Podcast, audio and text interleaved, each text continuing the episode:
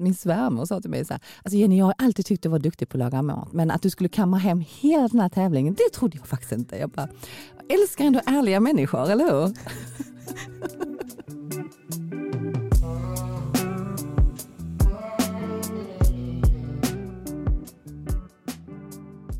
Välkommen till Malmö Darlings, en podd om en speciell stad och människorna som gör den speciell. Med mig, Sally Wahlstedt. Med mig, Miriam Olsson Jeffrey. Och mig, Jonas Gillberg. 16 avsnitt hörni. Säsongsavslutning. Tada! Man kan nästan ana att det är lite så semesterstämning här inne med tanke på att vi spelade in ett eh, sånt här snack alldeles nyss. Och sen kom jag på halvvägs in att jag inte ens tryckt igång inspelningen. Mm. så det är kanske dags för det här Malmö Darlings-gänget att eh, långsamt ta sig ut på semester. Precis. jag har gjort 15 avsnitt. Men vi ska ha, ni ska få lyssna på vårt 16 avsnitt här nu. Och vi började i november med en eh, vad ska vi säga, kaféägare slash stadsodlare, Buddha Browet. Sally träffade honom ute på fältet. Mm. Jag minns hur, hur glad jag blev när jag var ute där och eh, han står och snackar och plötsligt hör man eh, citat som han säger, mina fasaner, mm. som eh, skriker i bakgrunden och någon häst som gnäggar. Och... Där satt den. Där satt den. Och sen var jag på entré och smashade vattenkokare med Claudia Orellana på Malmö Breakroom. Och sen har vi haft en eh, lång radda av eh, namn och Malmö Darlings i form av Lycke von Schantz, Popo Hoy och poddaren Aya Said och Victoria Perkovic Gutierrez. Ja, det var en höjdpunkt där, där vi, när hon fick prata om de här dörrarna som är igenmurade runt om i Malmö och vad som finns där bakom. Det var mm. spännande tycker jag. Precis, alla de här hålen där det en gång i tiden har funnits en eh, butik eller ett eh, café eller en restaurang där man fortfarande ofta kan se den här lilla mm. kanten. Att, eh, här, det här är igenmurat senare och det är perfekt format som en dörr. Jag en har en sån här. dörr på min bakgård i vår gång bakom våra hus. Mm. Det var en mm. teater. Ah. Så när våra hus byggdes så kom alla teaterbesökare ut den vägen sen. Mm. Men sen fick de mura igen den och teatern fick stänga. Ja, och sen har vi träffat eh, entreprenören Hampus Jakobsson, vi har träffat broderikomikern Gisla Ståhle, klimatpsykologen Frida Hyllander, Jasmin Aran Moder. Vi har träffat en fulflyttare från Frasse. Mm. Fulflyttar. Vår första anonyma gäst. Mm. Ja, och Precis. kanske den uh, största lyssnarfesten i Malmö Darlings säsong 1. Just det. Den tog sig till med upp på någon topplista minns jag. Mm. På riksnivå. Ja. ja. Sen har vi träffat Julia Tuvesson, matbloggare. Vi har träffat eh, Kotara Jonus från Achtar. Vi har träffat Peter Sunde. Vi har träffat Golden Concept-grundaren eh, Puja Shamso-Sadati. Han gör guldmobilskal till kändisar. Ja. Och förra veckan, sista avsnittet var ju då The Cardigan-sångerskan Nina Persson. Så det finns gott om avsnitt att lyssna igenom om ni inte har gjort dem. det under sommaren. Eh, men nu har vi ett avsnitt kvar. Mm. Nummer 16. Säsongsfinalen. Ja, med Jenny Valdén. Mm.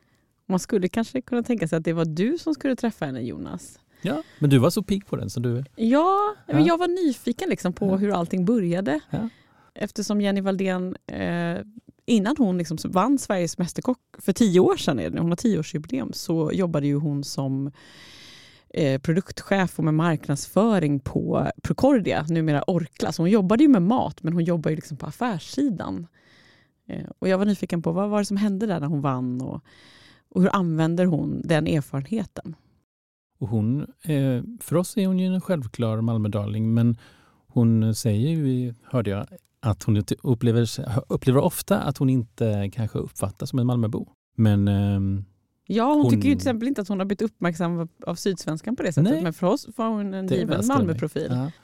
Men hon driver ju den koreanska restaurangen Namu nere på Landbygatan. Tillsammans med sin man. Så han Precis. är liksom företagaren men hon är liksom one woman show med sina mhm. sociala mm. medier och eh, har väldigt tät kontakt med sina följare. Så som det verkar. Och använder liksom de här marknadsföringskunskaperna för att driva verksamheten. Och, hon pratar mycket om kreativitet liksom, kopplat då till affärstänket. Mm. Och att hon har väl egentligen hållit eh, sin tes genom hela, hela de här tio åren att hon ska föra ut de asiatiska smakerna i, i Sverige. Mm. Och i år har hon ju dessutom även startat en cocktailbar i grannlokalen. Exakt. Precis. Så nu Får hon ut asiatiska smaker även i dryck? Mm. Jag tycker det var spännande att få höra alla hennes tankar. Och speciellt, jag har liksom ett av mina stående recept hemma. Mitt liksom favoritrecept på vegetariska köttbullar. Det är Jenny Valdén. Aha. Så eh, hon är ju hemma i mitt kök i alla fall eh, någon gång i månaden. Kan man säga. ja men samma här faktiskt. Ska vi ta och lyssna på henne? Vi kör.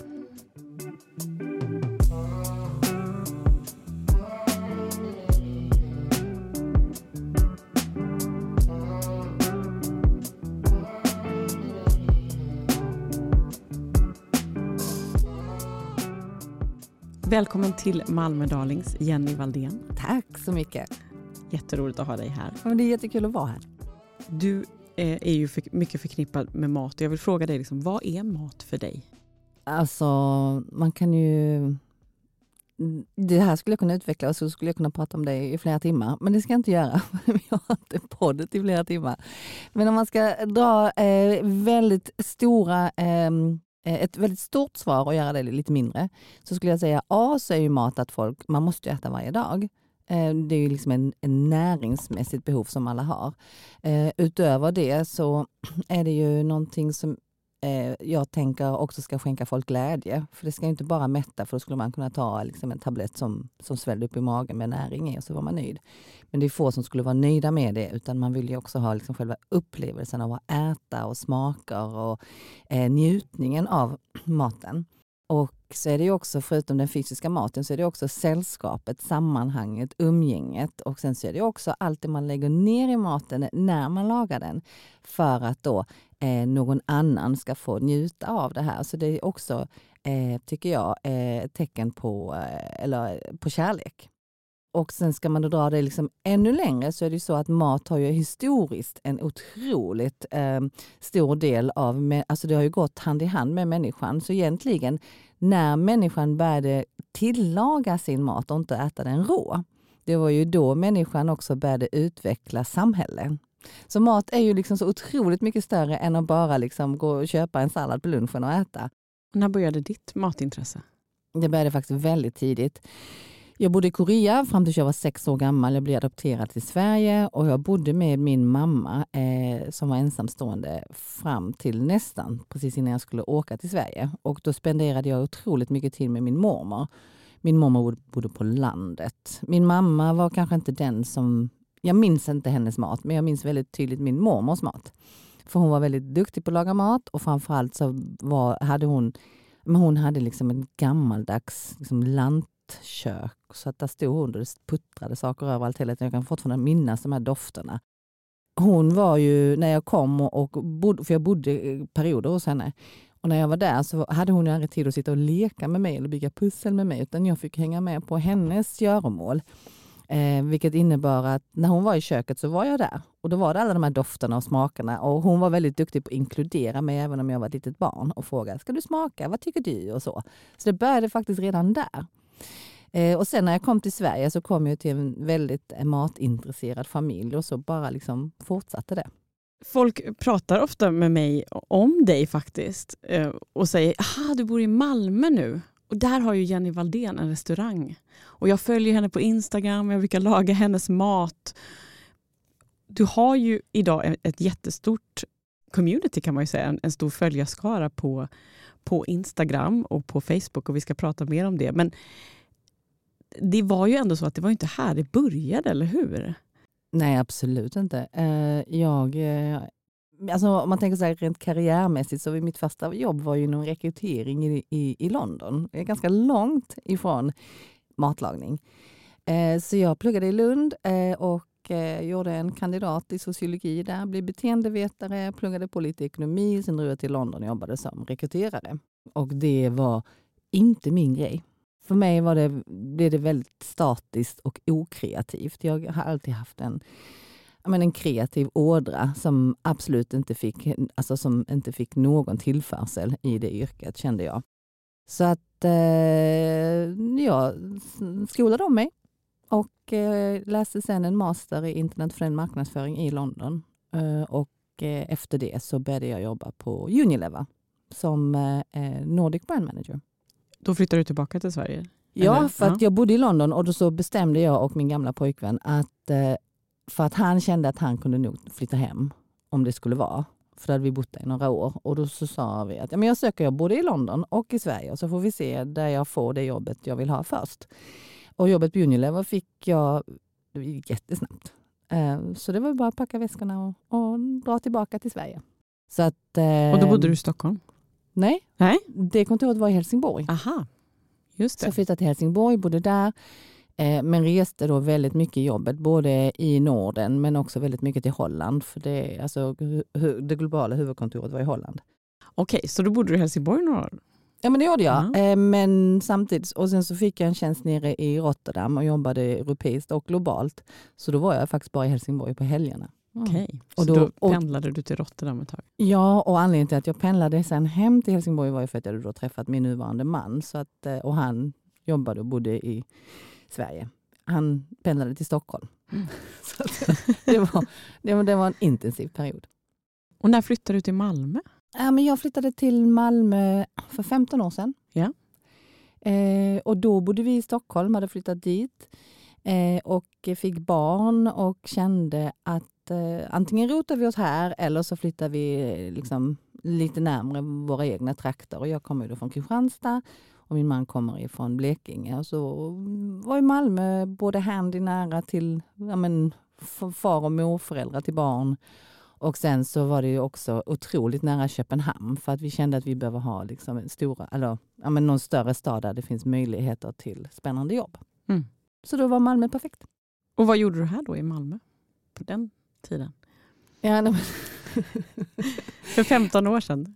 Ja först så ehm, flyttade jag ju till, jag, jag köpte ett hus i Malmö jag aldrig hade sett i, en, eh, i ett samhälle som jag bara hade varit i en gång. Eh, och det var för att titta på själva grunden på huset när vi redan hade köpt det. Eh, och, eh, och kom hit, ner hit när jag var föräldraledig. Jag hade inte ens ett jobb. Eh, ingen av oss hade ett jobb, men vi sa det, vi, eh, vi kör. Mm. Eh, så att, så, sen fick jag då inte jobb i Köpenhamn som jag kanske hade trott när jag bodde i Stockholm att det skulle bli, utan jag blev faktiskt ett jobb i Eslöv på Procordia. Just det, det som idag är Orkla. Precis, precis, det som idag är Orkla. Eh, och nu ligger ju Orklas huvudkontor, eh, Orkla Foods huvudkontor i Malmö. Men då låg det i Eslöv för då var det i anslutning till eh, eh, fabriken. Mm. Så då eh, bodde jag utanför Malmö och pendlade till Eslöv av alla ställen. Så då jobbade jag där, eh, som jag började där som senior brand manager och blev ganska snabbt marknadschef. Hej, Ulf Kristersson här. På många sätt är det en mörk tid vi lever i. Men nu tar vi ett stort steg för att göra Sverige till en tryggare och säkrare plats. Sverige är nu medlem i Nato. En för alla, alla för en. Vi är specialister på det vi gör, precis som du. Därför försäkrar vi på Swedea bara småföretag, som ditt. För oss är små företag alltid större än stora och vår företagsförsäkring anpassar sig helt efter firmans förutsättningar. Gå in på swedea.se företag och jämför själv. Och det var, det var den positionen du hade när du sökte till eh, Sveriges Mästerkock? Ja. Ja. Vad fick dig att söka? Och hur såg din relation ut till mat då? Nej, men jag har alltid älskat att laga mat och alltid tyckt det var väldigt, väldigt kul. Eh, och eh, har alltid varit den som har lagat mat till alla andra för att jag tycker det är roligt. Så du har bjudit dina kompisar på middagar? Ja, och- men det började redan när jag gick i högstadiet. Så började jag laga mat till mina tjejkompisar och sen på den vägen har det liksom gått sen hela tiden. Eh, när jag sökte till Sveriges Mästerkock så var det faktiskt mest en rolig grej. För jag såg ju då säsongen innan. Jag såg ju säsong två. Och du var Eh, med i säsong tre då? Ja, Ja men precis, Mm. säsong ett missade jag helt därför att då jobbade jag så mycket så jag liksom såg inte det ens. Eh, och sen säsong två tittade jag på och tyckte det verkade jättekul det de gjorde. Eh, jag satt och så här hejade på liksom framför, framför tvn och min man sa Men alltså herregud, du är ju redan där, du borde ju vara med, sa han. För han tyckte mentalt, jag satt ju som en sån sportkommentator. Så jag tänkte jag, ja, why not? Så jag sökte när, de, du vet, när programmet är slut och de har utsett en vinnare så säger de, ja, är du, skulle du vilja vara med i nästa säsong så uh, sök. Så tänkte jag, ja men jag söker. Och sen så åkte jag då på den här när, de sen, när man liksom första uttagningen med juryn. Eh, och jag tänkte mest att det var en kul utflykt till eh, Helsing Det var ju faktiskt också Helsingborg, på Sundspärlan av alla ställen.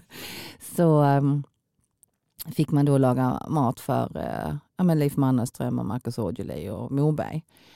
Och jag tänkte bara att det var en kul utflykt, en söndagsutflykt. Jag, vi hade till och med, jag hade till och med barnen med mig dit. Då var ju mina barn bara Och du jobbar som marknadschef på Procordia? Ja. Så jag var med så, ja, men kul att se hur det går till på en tv-produktion. Jag hade varit med och, och spelat in reklamfilmer fast då som beställare av reklamfilm. Och eh, jag var, tänkte jag är nöjd om jag får tummen upp av eh, Leif Mannerström. De två andra tyckte jag kändes inte lika intressanta. Och Eh, så fick jag tummen upp eh, och gick då vidare och sen gick vi vidare och vidare och vidare. Så det var liksom inte alls någon plan och jag hade ingen tanke på att jag skulle byta karriär eller någonting sånt. Jag älskade mitt jobb. Jag tyckte det var så himla kul. Jag hade en fantastisk chef och jättebra team eh, och otroligt roliga arbetsuppgifter. Så det var liksom, fanns ju ingen plan på karriärskifte alls, utan det var bara en rolig grej som blev rolig jättelänge. Vad, vad fick dig att ta det steget ändå? Jag tror att du först tog tjänstledigt från ja, men det stämmer. Procordia. Mm, det gjorde jag.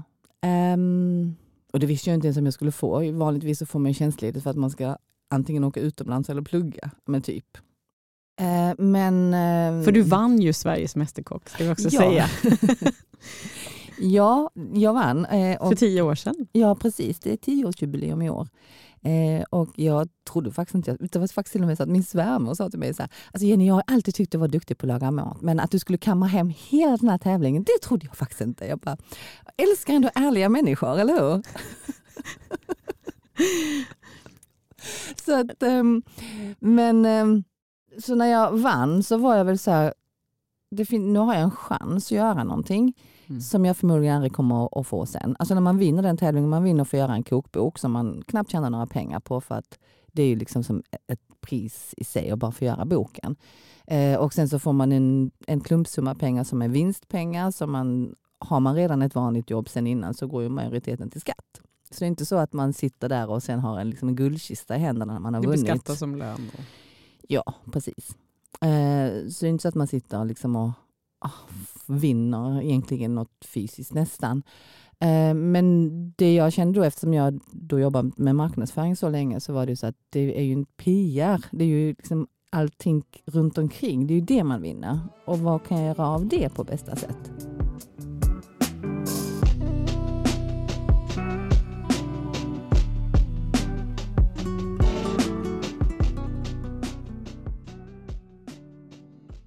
Jag kände mig väldigt trygg i min liksom, roll inom, och det jag kan inom marknadsföring. Så jag tänkte jag kan alltid gå tillbaks.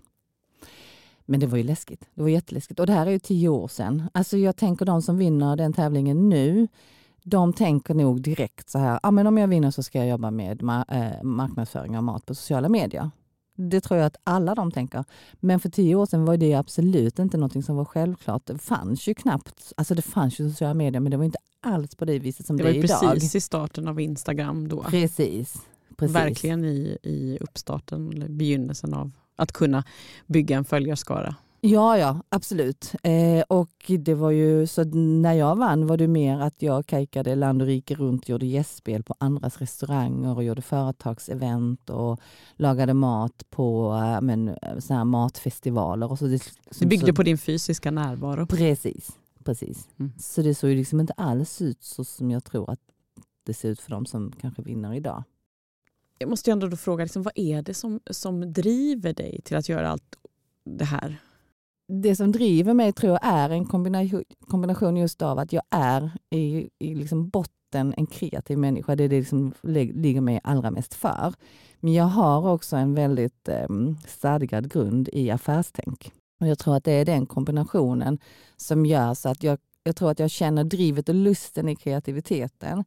Eh, men samtidigt så eh, har jag liksom ett driv i affärstänket. Om du förstår vad jag menar. Ja, och jag blir ju så nyfiken då på att höra liksom hur du ser på företagandet kontra det som vi ser utåt, så att säga, med maten och ja, det mm. kreativa i böckerna. Liksom. För du är, också, du är ju en entreprenör, kan man ju säga. Du har ju öppnat Namu, du har också öppnat en cocktailbar i anslutning till Namu Ganji. nu. Mm. Ganji i Malmö. Och eh, ja, det är ju att vara företagare också så att säga. Ja, och det som kanske många inte förstår, för att många tror att det, är liksom är, att det är restaurangerna som är min verksamhet, men faktum är att det är faktiskt Jonas, min man, som framförallt driver dem. Um, alltså om man tänker på det rent affärsmässigt och driftmässigt. Eh, sen har jag ju den andra verksamheten som är allting kring kokböckerna och sociala medier och samarbeten och så. Och det är Ja. ju, det, jag tror att för många människor är det lite diffust, man förstår inte riktigt hur det fungerar så därför tänker man att det kan man inte syssla med på heltid. Men det lovar jag, det, Det kan kan, man man. För idag har ju du 300, över 300 000 följare på Instagram Ja, och det har jag. 65 000 på Facebook. Det stämmer. Och det var, det var faktiskt en, ja, jag gjorde ett event med ett företag och då stod jag och lagade mat med en vd där och så sa han till mig, men alltså hur går det till när man gör en kokbok? Ja, men det är ungefär ett års arbete, inte fulltid för man har ju samtidigt annat jobb. Men från att, alltså, och, och kanske tankemässigt ytterligare ett halvår till för att du måste komma fram till ett koncept eh, som du vill att den här kokboken ska vara. Och det kanske tar liksom några månader så grindande, du går och liksom mortlar det i huvudet. Sen när du har satt det, därifrån tills du har bestämt din idé, tills kokboken faktiskt är ute, så skulle jag säga att det är minst ett år. Och han sa, förlåt?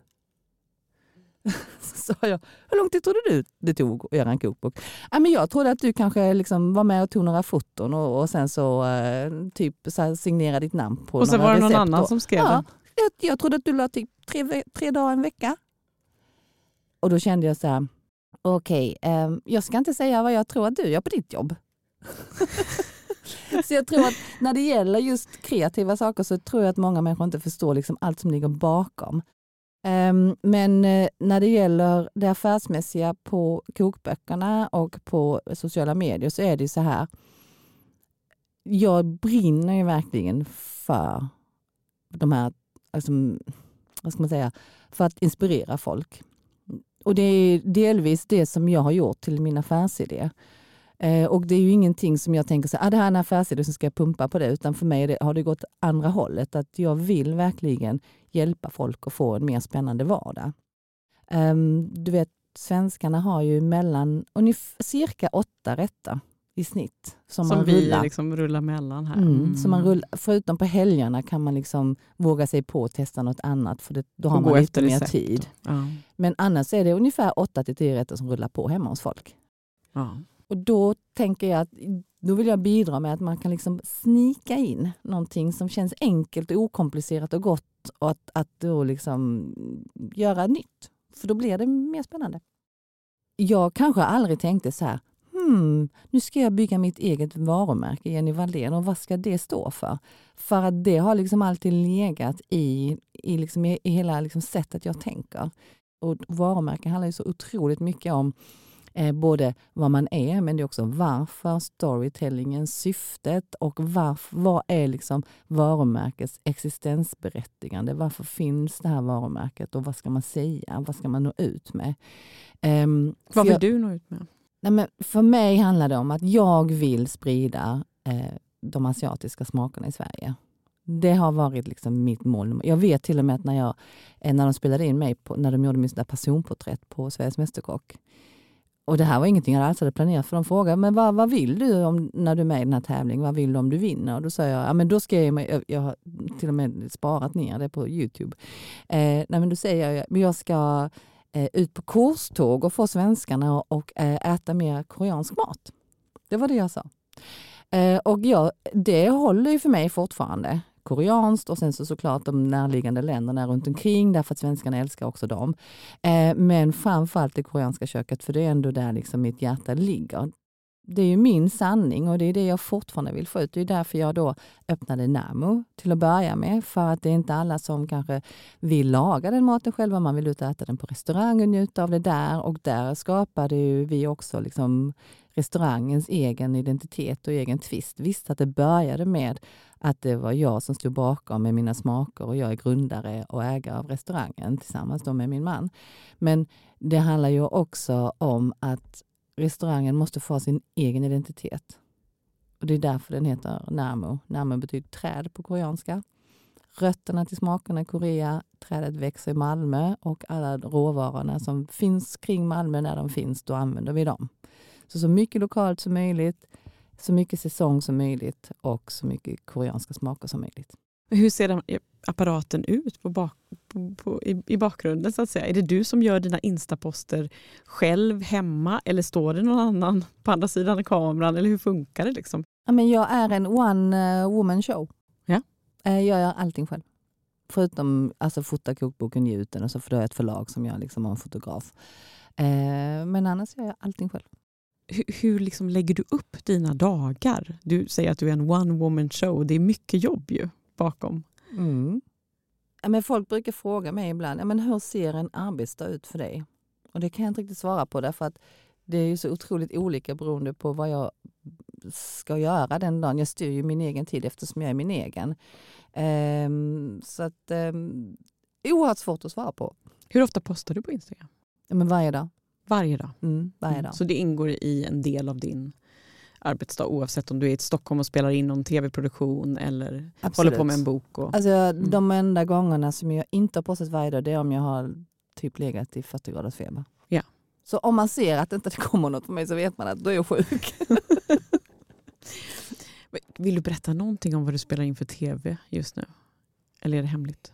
Nej, men alltså på regelbunden basis spelar jag in Kökets middag. För jag är ju med på Kökets middag som sänds på Nyhetsmorgon ehm, eh, en gång i veckan. Och det har jag varit i nio år nu. Eh, tionde året running.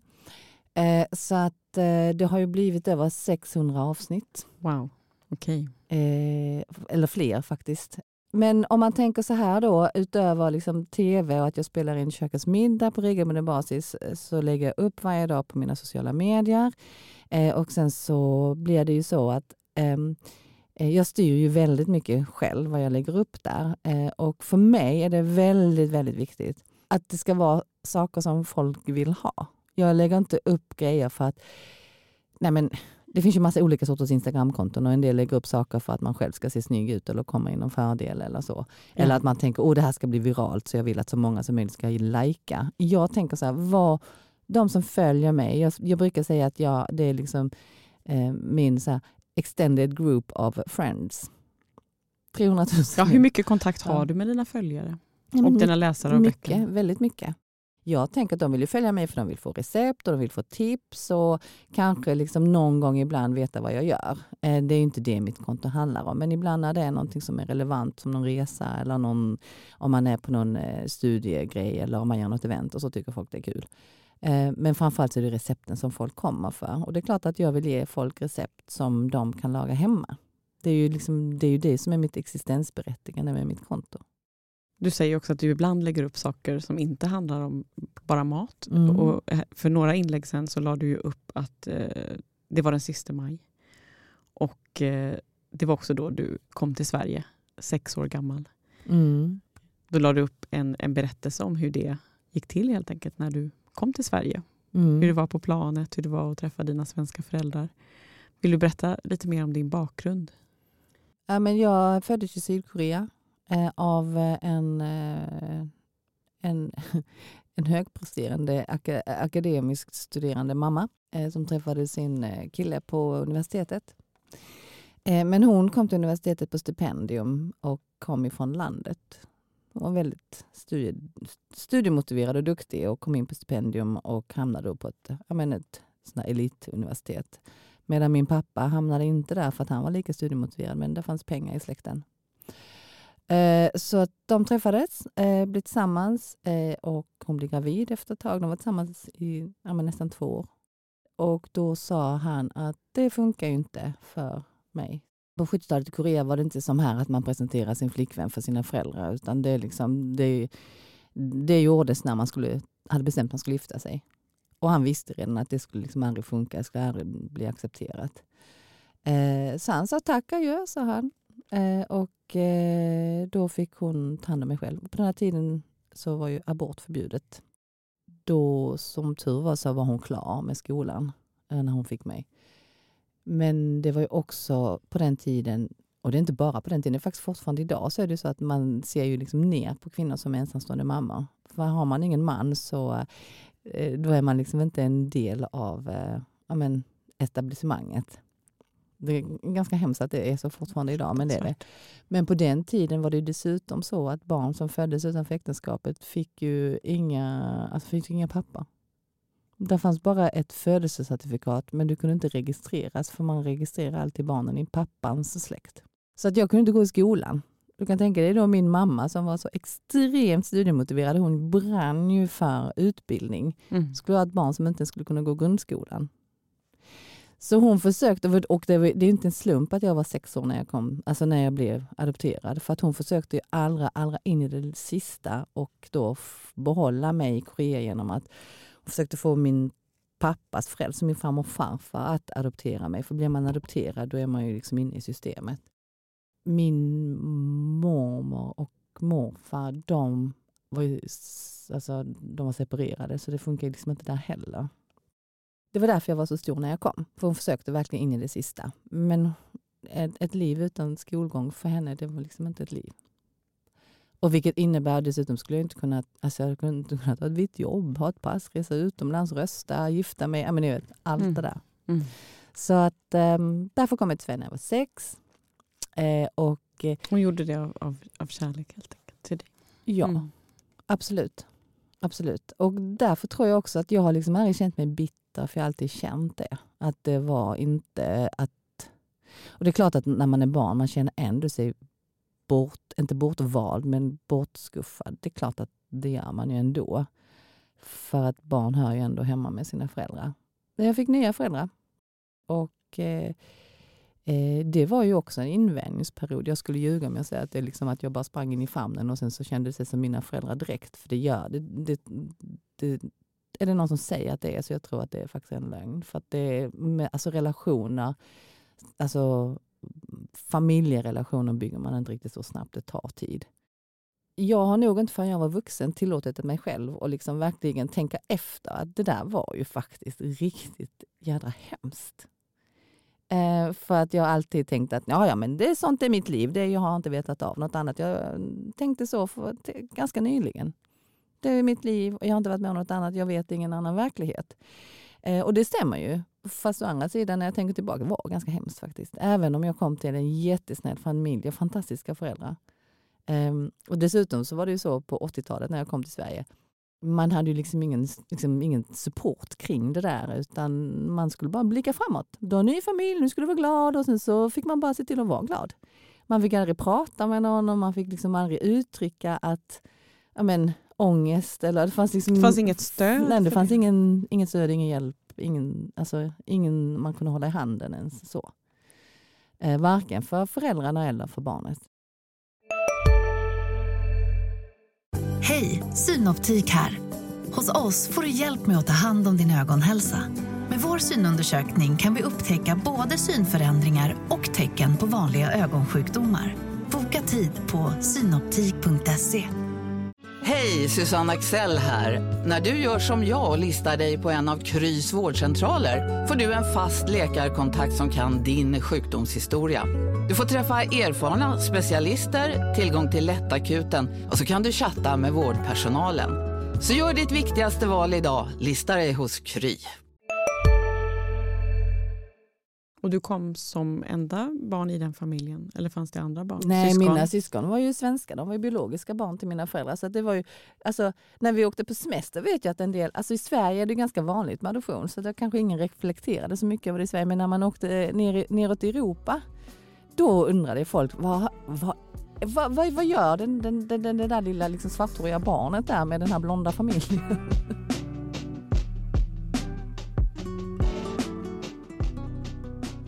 Och vad är din relation då till Malmö? Du har ju restaurangerna och du pratar ju också mycket om Malmö i vårt samtal.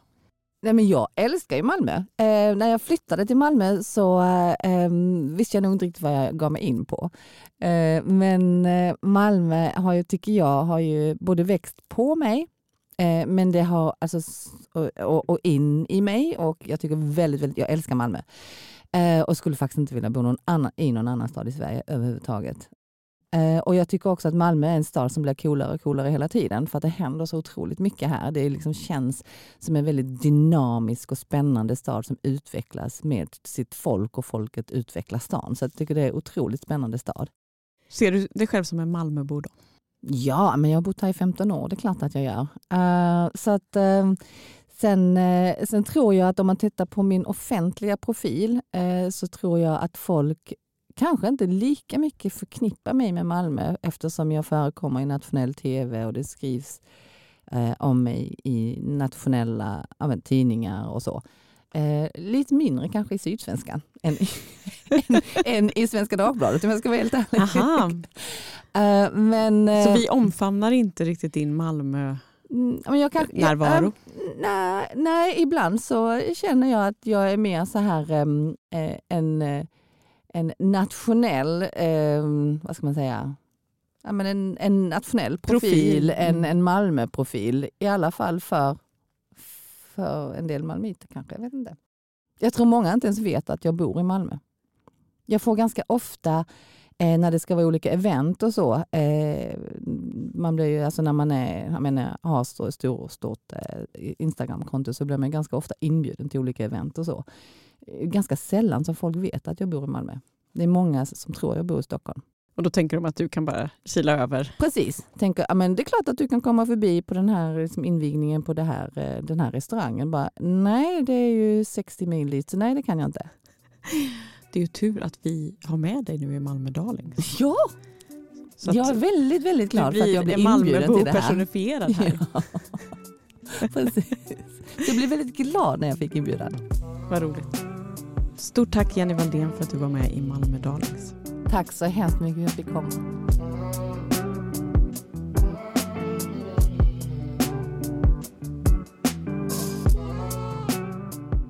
Du har lyssnat på Malmö Darlings med Jenny Valdén. Det här är en podd från Sydsvenskan som eh, produceras och klipps av mig, Sally Wahlstedt. Och ansvarig utgivare för den här podden är Jonas Kanje. Vi eh, kommer tillbaka med säsong två av Malmö Darlings efter sommaren. Och eh, innan dess så tar vi gärna emot tips på olika spännande personer i den här stan som ni skulle vilja höra i säsong två. I så fall så kan ni skicka era tips till malmodarlings.sydsvenskan.se eller eh, höra av er på mejl till eh, mig, Sally Wallstedt, Jonas Gillberg eller Miriam Olsson Jeffrey. Och har ni inte redan lyssnat på de tidigare 15 avsnitten i säsong 1 så finns det massa kul sommarlyssning där. Vi hörs i höst. Hej då! Hej då!